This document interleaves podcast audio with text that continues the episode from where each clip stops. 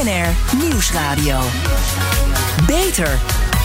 Harmke Pijpers.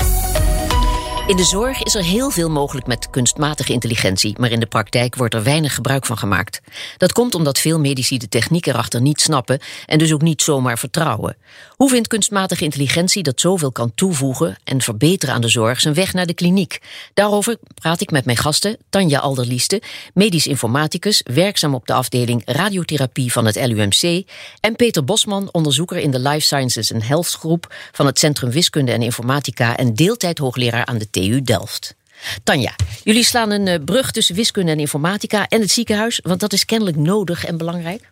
Zeker, dat is enorm belangrijk. Uh, zoals u zelf al aangaf, er is zoveel mogelijk vanuit de wiskunde informatica om te betekenen voor de geneeskunde. Maar om dit daadwerkelijk voor elkaar te krijgen, moet die brug geslagen worden. En dat betekent samen communiceren en samen optrekken in het onderzoek om dit daadwerkelijk die brug te, te, slaan. Ja, want er blijven nog heel veel mogelijkheden onbenut, begrijp ik. Wat, wat kan kunstmatige intelligentie toevoegen? Heel veel. Ja. Ja. Um, er zijn verschillende facetten waar kunstmatige intelligentie in de zorg zijn weg zou kunnen vinden. Dat betreft aan de ene kant het automatiseren van simpele processen, maar aan de andere kant veel ingewikkeldere processen waar op dit moment uh, de mens zelf nog niet toe in staat is. Bijvoorbeeld bepaalde verbanden vinden in grote hoeveelheden data. Uh, denk bijvoorbeeld aan een, een patiënt heeft een bepaalde of moet een bepaalde behandeling krijgen. En je zou eigenlijk graag voordat je die behandeling kiest samen met de patiënt willen weten wat zal het effect van die behandeling zijn en wat zouden de mogelijke bijwerkingen van die behandeling zijn. Zodat je eigenlijk uh, beter geïnformeerd tot die keuze kan komen. Daar zou onder andere kunstmatige intelligentie een rol in kunnen spelen. Ja, want, want individuele aanpak, uh, persoonlijk op de patiënt afgestemd behandelplan, dat is waar in de toekomst dus steeds meer de focus komt te liggen? Jazeker. Artsen houden nu toch al cijfers en resultaten bij van bijvoorbeeld operaties, de werking van medicijnen en van therapieën. Wat, wat kan kunstmatige intelligentie daar nog aan toevoegen? Afgezien van het feit dat mij bekend is dat ze dat niet allemaal even nauwkeurig doen. Ja, dat is misschien het niet nauwkeurig doen is een heel ander aspect nog. Maar ja. um, inderdaad, ze houden die data steeds beter bij. Dat is ook precies waarom het nu de tijd is om kunstmatige intelligentie toe te gaan passen. Want als het niet bijgehouden werd, dan, dan was er niets om van te leren. Um, maar het is juist uh, het bijhouden van enorme hoeveelheden data is één ding. Maar vervolgens door al die bomen het bos nog kunnen zien. En snappen welke relaties daar nu precies in zitten. En uh, welke combinatie van factoren leiden tot een bepaalde uh, uitkomst. Dat is nou juist uh, het ingewikkelde. Zeker wanneer er steeds meer data is. Waar in de tijd waarin we leven, de digitalisatie van, van al die data. Ja. Ja, dus, en daar kan juist nieuwe kennis uit voortkomen. Ja, dus de vraag, hoe werkt kunstmatige intelligentie? Kan u die nog beantwoorden? Uh, als we nog een tijdje hadden, zou ik een uitgebreid antwoord kunnen geven. Maar in, in het kort, uh, uh, het is, een, het is een, een, een verzamelnaam van veel technieken. Ja. De techniek die bij de meeste mensen op het netvlies staat, is, is leren van data. En eigenlijk, vandaag zijn we hier ook eigenlijk meer voor, voor dat type kunstmatige intelligentie, waarbij je dus data hebt. En je leert daar bepaalde kennis uit via wat we vaak een model noemen. Uh, en daar heb je heel veel verschillende technieken voor. Um, en kunstmatige intelligentie uh, in, in de volksmond eigenlijk is, is meer dat hele idee van machine learning. Dus je, ja. hebt een, je hebt data en daar leer je iets uit. Ja, maar, maar ook uh, kunstmatige intelligentie is ook zelflerend, begrijp ik. Ja, het begrip zelflerend is ook weer zo'n zo'n overladen ja. begrip. Want wat, wat betekent het zelflerend? Het, het klinkt alsof het uh, op vrije voet losgeslagen is en zelf ja, bezig griezelig en dat je ja, precies, maar dat is, moet overlaten. ja, ja, maar dat is, um, uh, ja, dat is gewoon een begrip wat, uh, ja, wat, wat gebruikt wordt. Maar het is niet per se uh, dat griezelige losgeslagen. Dat, dat is het nog zeker niet. Het zijn meer technische begrippen die we soms gebruiken over wat zelflerend betekent. Ja. Of wat lerend geïnstrueerd door een supervisor betekent. Ja, en, en wat is nou datgene dat het voor artsen zo moeilijk maakt om hiermee te gaan werken en, en, om het te accepteren sowieso? Ja, uh, ik denk onbekend maakt onbemind is één ding. Uh, dus ermee in aanraking komen zal al, zal al veel helpen. Uh, en het daadwerkelijk toegepast zien worden op je eigen data is denk ik een, een, een heel groot verschil. En daarnaast, een van de redenen waarom we ook deze kant op gaan, is er zijn zeker groepen van artsen die uh, graag willen begrijpen wat er gebeurt. Ja. Um, zodat ze kunnen uitleggen en kunnen verantwoorden waarom een bepaalde keuze gemaakt wordt. Um, en dat is ook eigenlijk waarom we uitkomen met hele uitlegbare kunstmatige intelligentie. En op het moment dat dat meer het geval is en een arts kan controleren waarom een bepaalde conclusie getrokken wordt, uh, denken wij dat de kansen zal vergroten om kunstmatige intelligentie ook echt meer de kliniek in te krijgen. Ja. Ik vind het ook heel begrijpelijk. Ze gaan niet over één nacht ijs, op zijn minst. Maar, maar mogen we er ook van uitgaan dat de conclusies die uit zo'n model komen altijd juist zijn? Um, ja, um, in die zin. Um, uh, dat hangt natuurlijk van, van hoop facet af. Kijk, als, ik zou kunnen zeggen, als ik het gebouwd heb, ja. Maar in zijn algemeenheid, het idee is um, uh, dat, dat die uh, modellen op statistiek van de data geleerd worden. En zolang dat op een correcte manier gebeurt, komen daar dus, je zou kunnen zeggen, statistische samenvattingen uit, die dus per definitie zouden moeten kloppen met de data. Dus voorbehoudend dat er geen fouten zitten in de software, komen daar dingen uit die kloppen. De vraag is natuurlijk, er zijn heel veel dingen die kloppen. Welke dingen zijn nu van relevantie voor datgene wat we willen concluderen? Ja, ja, het is in alle gevallen is, is het uit te leggen wat er precies gebeurt tijdens zo'n proces, of weten de computerexperts dat soms zelf ook niet? Nou, wij weten zeker wel hoe het werkt. In de zin van, wij weten hoe we het opstellen uh, en, en wat het algemene proces dan is. Ja, maar het gaat op een gegeven moment zijn eigen gang. Het is op, op een gegeven moment wel zo dat er, komen zoveel facetten bij elkaar, dat mhm. het niet altijd uh, compleet te begrijpen is, of uh, tot in het laatste detail uit te leggen is hoe um, nou precies uh, de, het, uiteindelijke model dan tot stand komt. Dat, is, uh, dat snappen we algoritmisch, maar dat wil nog niet zeggen dat we exact kunnen uitleggen uh, hoe nou precies tot een bepaald model gekomen is. Maar waar wij naartoe willen is dat het uiteindelijke model wat eruit komt, dat we dat wel kunnen concluderen, kunnen valideren. Dan ja, het, het Gieske Strijbusfonds heeft een bedrag van 8 ton aan dit project toegekend. Hè? 8 ton is heel veel geld, maar is het ook voldoende?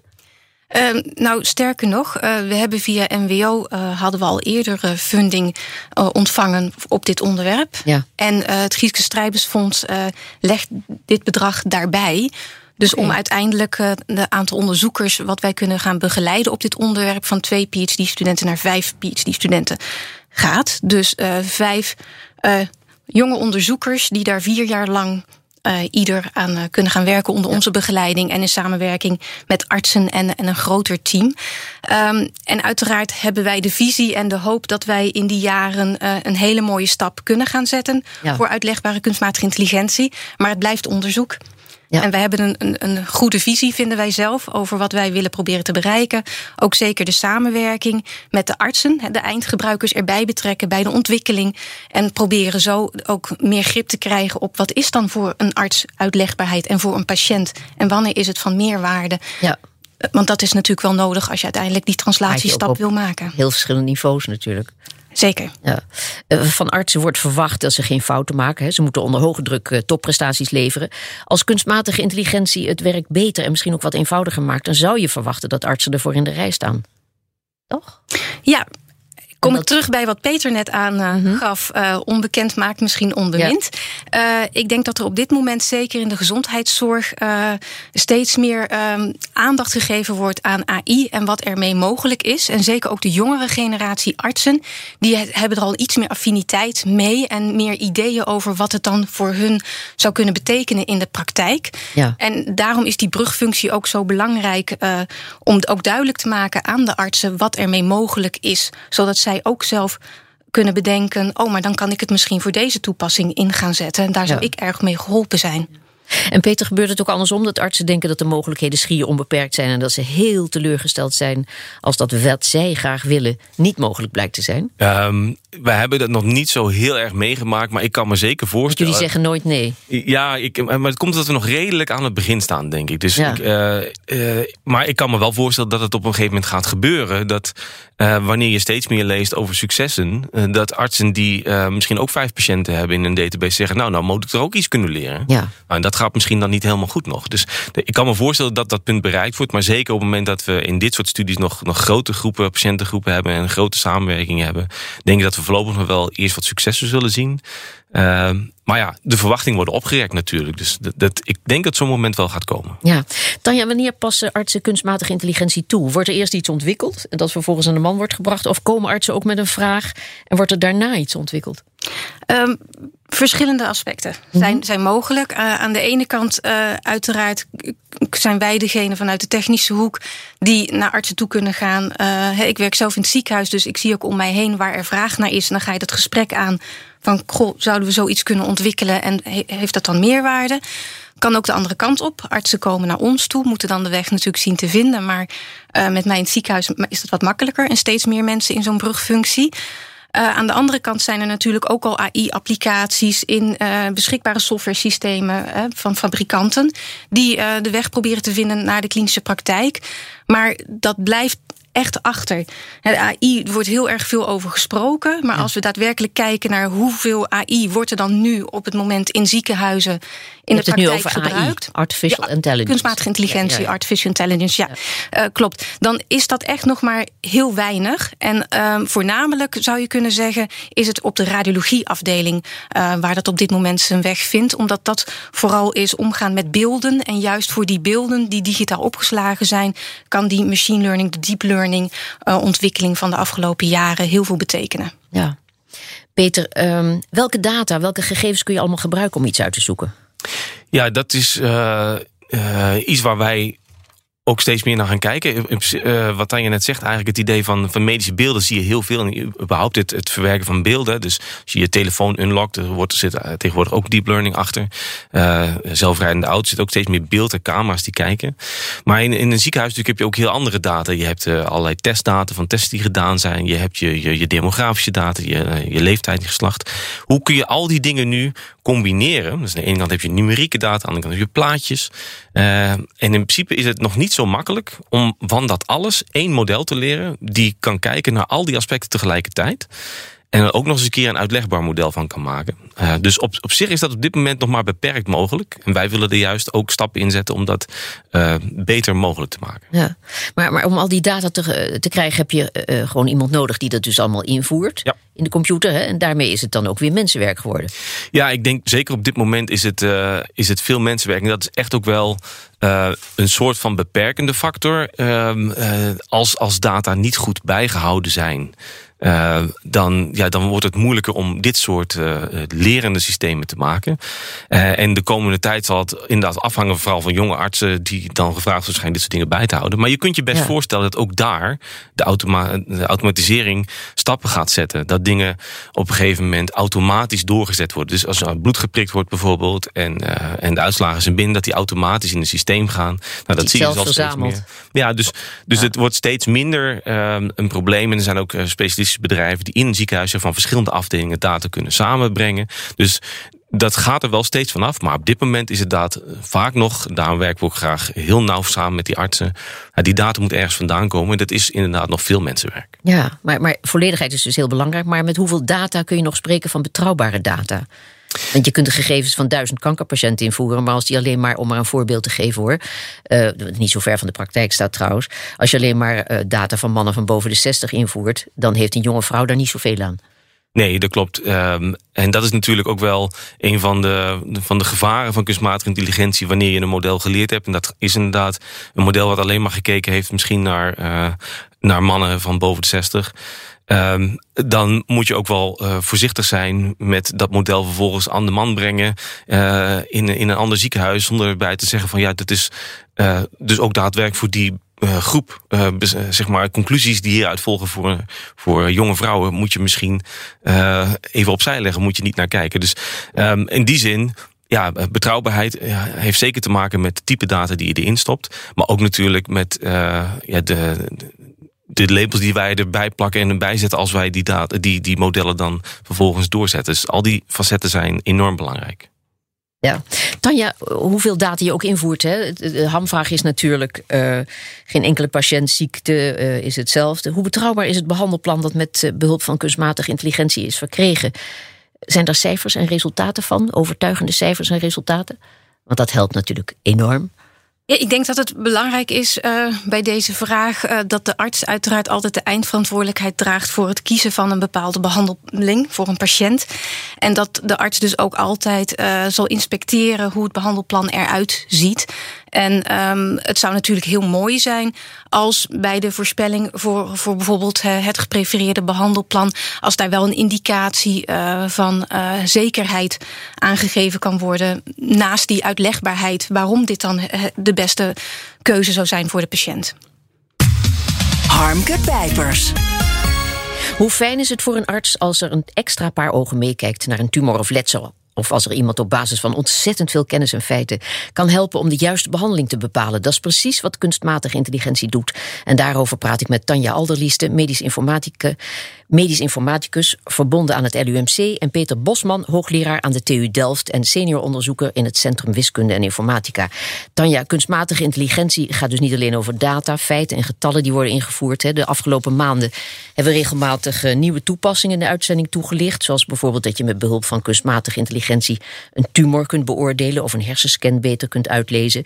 Bijna een extra paar ogen dat meekijkt, dat lijkt me al helemaal lastig uit te leggen. Hoe doe je dat? Nou, het, het, het uitleggen, eh, ehm, ik zou het meer zien als. Uh, je kunt het inderdaad zien als een second opinion. de kunstmatige intelligentie kijkt mee. Uh, geeft daarmee ook een voorspelling voor wat er in de beelden zichtbaar is. Dus waar bijvoorbeeld een afwijking in de scan zit. Ehm, en het uitleggen daar is denk ik niet, niet meer dan het aangeven in het beeld waar een verdacht plekje zit, zodat vervolgens de arts kan verifiëren: heb ik dit over het hoofd gezien, ja of nee? Ja, Peter, kan het door gebruik van kunstmatige intelligentie ook gebeuren dat blijkt dat de artsen het soms bij het verkeerde eind hebben? Want dan wordt het natuurlijk ook heel erg overtuigend en lastig. Uh, ja, ik, ik, uh, ik sluit niet uit dat uh, dat, dat kan gebeuren. Uh, het is natuurlijk zo dat op dit moment. Het is nog toekomst? Ik denk dat dat nog toekomst is, mede omdat ehm, uh, de, de, de daadwerkelijke toepassing in de kliniek van kunstmatige intelligentie nog, nog redelijk beperkt is. Maar uh, zeker wanneer we uh, dit in de komende jaren op steeds meer data en steeds meer ziekenhuizen en steeds meer in de kliniek weten te krijgen, onder andere door projecten zoals, zoals die van ons, dan, dan zou het kunnen gebeuren dat daar op een gegeven moment dus inderdaad ehm, uh, voorspellingen uitkomen die zeggen van nou dit had eigenlijk uh, anders gemoeten als je dan terugkijkt naar wat er gebeurd is. Ja. Maar goed, het, het, het idee is natuurlijk ook van de dingen die wij ontwikkelen is om um, een soort van um, opties te geven aan een arts. Eh, de, de best mogelijke opties gegeven de data. Zeggen van nou, dit is wat, wat we gezien hebben uit de data en oorzaak-gevolg. Uh, en, en dit is het palet aan opties die, uh, die het beste is. Bespreek deze met, met je patiënt bijvoorbeeld. Om te voorkomen ook dat dat soort dingen zo min mogelijk fout gaan. Ja, hoe gaat dat samen, Tanja? Effectieve kunstmatige intelligentie ontwikkelen en in de gaten houden of het nog begrijpelijk is? Ja, dat gaat samen in samenwerking met de artsen. Um, juist dat maar is, is onmisbaar uh, om inderdaad tot het concept wat is begrijpbaar uh, voor de arts. Uh, dus zo zien wij dat ook in ons onderzoek, dat wij daar een feedbackloop in nodig hebben met de artsen om dat, dat helder te krijgen. En dat zal voor de ene arts weer net iets anders kunnen zijn dan voor de andere arts. En zeker ook vervolgens weer voor de patiënt. Ja, is het dan denkbaar dat als ze snappen hoe het werkt, dat ze dan zelf ook software en modellen gaan ontwikkelen? Of is dat helemaal de bedoeling niet? Um, of krijgen bijvoorbeeld technici, programmeers, medische taken worden een soort artsen achter de computer? Um, alles is mogelijk. Er, er zijn uh, inmiddels vele uh, studies ook die juist uh, vanuit de geneeskundekant, denk aan technische geneeskunde, de richting vanuit de geneeskunde richting de kliniek, kliniek techniek willen maken. Maar ook vanaf de andere kant, vanuit de informatica richting de geneeskunde. Dus vanuit die beide disciplines wordt geprobeerd die brug te slaan. Um, ook binnen de geneeskunde curriculum zal er meer aandacht besteed worden aan wat is kunstmatige intelligentie. Of artsen daadwerkelijk zelf programma's gaan implementeren. Ik weet niet of dat een brug te ver is. Uh, en dat het juist uh, de kracht ligt in de samenwerking, elkaar opzoeken. Ja, de ontwikkelingen eh, binnen de kunstmatige intelligentie volgen elkaar razendsnel op. Er komen steeds meer mogelijkheden en daar is ook steeds meer oog voor. Wat verwacht je, Peter? Gaat dit een volledig geïntegreerd en geaccepteerd onderwerp van de zorg worden? Ik, dat is wel zeker mijn verwachting, ja. Uh, ik denk alleen wel dat het nodig is dat we die samenwerking, eigenlijk wat Tanja net zo mooi aangeeft, dat we die samenwerking opzoeken. Zonder dat gaat het niet lukken. Uh, daarvoor uh, moeten we elkaar beter leren begrijpen zodat wij weten dat wat wij moeten programmeren naadloos aansluit bij hoe artsen kijken naar de data en naar patiënten. Als we dat niet doen, dan komen we er niet. Hartelijk dank, Tanja Alderlieste en Peter Bosman. En wil je meer informatie over het begrijpelijk maken van kunstmatige intelligentie? Kijk dan op www.bnr.nl/slash beter. Zorgvernieuwers. Er zijn volop ontwikkelingen in de zorg. Nieuwe medicijnen, technieken en behandelmethoden maken het leven van de patiënt beter en het werk van de specialist makkelijker. Wat zijn de laatste innovaties? 1 op de 20 65-plussers krijgt te maken met ouderenmishandeling. Omdat dit vaak achter de voordeur gebeurt, is het lastig om dit te herkennen. Maar, zegt Maaike Brunekreef, aandachtsfunctionaris huiselijk geweld en kindermishandeling, als je weet waar je op moet letten, dan kan het wel. Daarom heb je virtual reality training, dus ontwikkeld voor zorgprofessionals. Uh, Maaike, wat moet ik verstaan onder ouderenmishandeling, om daar maar mee te beginnen? Er zijn veel uh, vormen van ouderenmishandeling, maar uh, de gemene deler is kwetsbaarheid en afhankelijk zijn van je, ja, je zorgverlener. En in heel veel situaties gaat het wel goed. Maar we zien ook in toenemende mate hè, dat als je je gezondheid verliest, dat er toch ook onveiligheid kan ontstaan. Ja. En uh, daarom is het zo belangrijk voor zorgverleners die werken met ouderen om ja, daar bewust van te zijn en dat ze daarin kunnen signaleren en dus ook handelen. Ja, want er zijn veel vormen, begrijp ik, waarop een oudere mishandeld ja. kan worden. Ja, ja. Uh, die zijn vaak lastig te herkennen, dat weten we ook. Ja. Maar, maar hoe kan virtual reality daarbij dan helpen? Ja, virtual reality neemt je dus mee in een in een echte situatie, in een scène. We hebben um, uh, ja, de reacties gehoord van mensen die hem al hebben geprobeerd. Dat als je die bril opzet, je eigenlijk uh, meteen uh, onderdeel bent van het verhaal. En zo kun je dus ook oefenen. We ja. hebben scènes gemaakt waarin je steeds wordt ja, uh, geconfronteerd met wat zie je en wat ga je doen. En de, de trainingsaspect is eigenlijk dat je de scène ook kan stilzetten mm-hmm. en ook een scène terug kan gaan. En dat is ook ja, best uh, fijn en ook prettig, omdat je als hulpverlener, als zorgverlener, nog heel veel te maken hebt met handelingsverlegenheid. Hè? Een soort van koudwatervrees. En als je toch op een veilige manier kan oefenen met spannende situaties dan als je in, het, hè, in je eigen professionele leven geconfronteerd wordt met een situatie, ja, dan ben je beter voorbereid. Ja, weten zorgprofessionals, maar ook de omgeving wat ze moeten en kunnen doen bij vermoedens van ouderenmishandeling? Ja. En, en waar nou, kunnen ze terecht, bijvoorbeeld? Ja, ja. Nou, alle zorgprofessionals uh, in Nederland zijn um, verplicht om te werken met de vijf stappen van de meldcode, mm-hmm. met afwegingskader. En die, um, uh, ik hoop ook dat de meeste zorgprofessionals zich daar ook heel erg van bewust zijn en weten wat ze daarin moeten doen. Maar die bewustwording op de kaart houden en mensen hierin trainen en uh, ja, die vaardigheden leren om die professionele zorg te kunnen geven, dat is iets waar je ja, een ongoing aandacht voor nodig hebt. Dus die meldcode is er als er echt intense zorgen zijn over de veiligheid van een patiënt, van een bewoner, van een volwassene. En dan moet je altijd overleggen met een goed geschoold collega, dan wel iemand uh, van Veilig Thuis bijvoorbeeld. De externe organisatie die hier uh, met je mee in verder kijkt. Hartelijk dank, Maaike Brunekreef. En voor meer informatie over deze virtual reality training, kijk op www.bnr.nl/slash beter. Tot zover deze uitzending van BNR Beter. Op bnr.nl slash beter is deze uitzending terug te luisteren... of on demand via de BNR-app en op uw favoriete podcast. We zijn ook op Twitter te vinden onder BNR Beter... dus heeft u tips voor ons, laat het ons maar weten. Ik ben Harmke Pijpers. Graag tot een volgend spreekuur.